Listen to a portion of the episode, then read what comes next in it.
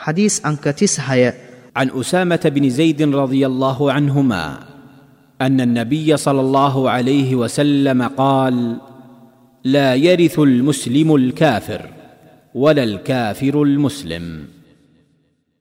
ಅಲ್ಲಾಹ್ ಗೇದೂತೆಯಾನು ಸಲ್ಲಲ್ಲಾಹು ಅಲೇಹಿ ವಸಲ್ಲಂ ತುಮಾ ಪ್ರಕಾಶ ಕಲಬವ Usama bin Usama bin Zaid ರದಿಯಲ್ಲಾಹು ಅನ್ಹು ತುಮಾನನ್ವಿಸಿನ್ ದೆನುಂ ದಿನಲದಿ ಮುಸ್ಲಿಂ ವರೆಯಕುಗೆ ದೇಪಲ ಸಂದಹಾ කාෆිර්වරයෙකුට උරුමකම් කිව නොහැකි අතර කාෆිර්වරයෙකුගේ දේපල සඳහා මුස්ලිම්වරයෙකුටද උරුමකම් කිව නොහැක. මූලාශ්‍රය සහහිහුල් බුහාරි මෙම හදීසය දැනුම් දෙන්නාගේ විස්තර. උසාමාබෙන් සෙයිද් බින් හාරිසා රදියල්له අන්හු මෙතුමානන් උත්තම නබි සල්ලල්له عليهෙහි වසල්ලම් තුමා තුමානන්ට ඉතා ප්‍රියතම කෙනෙකු වූ අතර මෙතුමානන්ගේ පියාණන් සෙයිද් බින් හාරිසා උත්තම නබිනායක මොහම්මට් සල්ලල්ලාහු අලෙහි වසල්ලම් තුමානන්ගේ සේවකයකිය. මෙතුමානන් රසූල් සල්ලල්ලාහු අලෙහි වසල්ලම් තුමානන්ට ඉතා ප්‍රියතම කෙනෙකුවීමට හේතුවනම් මොහු සමග තිබූ අතිවිශිෂ්ට ගුණාංගයන්ය. මෙතුමානන් සතු උතුම් ගුණාංගයන් බිඳක්. නුවන නිර්බීතකම ප්‍රඥාව සත්ගුණ ආදරය ධර්මිෂ්ඨකම යන ආදීනිය. උත්තම නබිසල්ලල්ලාහු අලෙහි වසල්ලම් තුමානන් අබූබකර් උමර් රදියල්له අන්හු තුමානන් වැනි වැඩිමහල් සහාබිවරුන් සිටියදීත් එක් යුද සේනාවකට සේනාධිපති එක් ලෙස පත් කිරීමට හේතු වූයේද මෙම ගුණාංගයන්ය.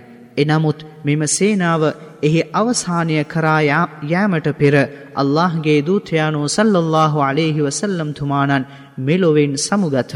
ඉන් පසු අබූබකර සිද්ධියෙක් රදියල්ලාහු අන්හු තුමානන් මෙම යුද සේනාව යවා තැබූ අතර රුමර්රදියල්ලාහු අන්හු තුමානන් තමන් සමග සටනට නොයා මදීනාවෙහි රැඳී සිටීමට උසාමා රදියල්ලාහු අන්හු තුමානන්ගෙන් අනුමැතිය ලබා ගතහ. තවද මෙම සටනෙහි ජයලබා නැවත මදීනා වෙත උසාමා රදියල්ලාහු අන්හුතුමානන් පැමිණියහ. මෙතුමානන් විසින් හදීස් එකසිය දහ අටක් වාර්තාාවී ඇත. මෙතුමානන් ඔස්මාන් රදියල්ලාහු අන්හුතුමානන්ගේ ඝාතනයට පසු ජනයින්ගෙන් ඈත්වී ජීවත් වූ අතර ඩැමැස්කසයට නොදුරුව තිබූ එක් ගම්මානයක පදිංචිවිය. ඉන් පසු නැවතවරක් මදීනාවට පැමිණ වාසය කළ අතර ජුරුෆ් නැමැති ස්ථානයේ ඔහුට වයස අවුරුදු හැට එකේදී හිජිරි වර්ෂ පනස් හතරේදී මියගිය පසු මදීනාවේ මිහිදන් කරනු ලැබිය. මෙම හදීසයෙන් උගතයුතු පාඩම්. පොදුවේ කාෆිර්වරයෙකු මුස්ලිම්වරයෙකුගේ දේපලවලට හිමිකම් නොකියන අතර මුස්ලිම්වරයෙකුද කාෆිර්වරයෙකුගේ දේපලවලට හිමිකම් නොකියයි. තවද මෙම කාෆිර්වරයා දේපල බෙදාදීමට පෙර මුස්ලිම් කෙනෙක් වූවද මොහුට හිමිකම් කිවනො හැක. ඉස්ලාම් දහමේ අධික මහාචාරවරුන්ගේ අදහස් වන්නේද මෙයයි. මෙම නීතිය ඉස්ලාම් දහම වැළඳගත් පතු පසු ඉස්ලාම් හැරදමාගිය මුර්තද් පුද්ගලයාටද ආවේනිකයි. ඉස්ලාම් දහම මෙම දේපල බෙදීම් පිළිබඳව වෙනත් ආගම් දහම්වලට වඩා ඉතා පැහැදිලිව විග්‍රහ කර තිබීම යනු ඉස්ලාම් දහමේ විශිෂ්ට භාවය අපට පෙන්නුම් කරයි.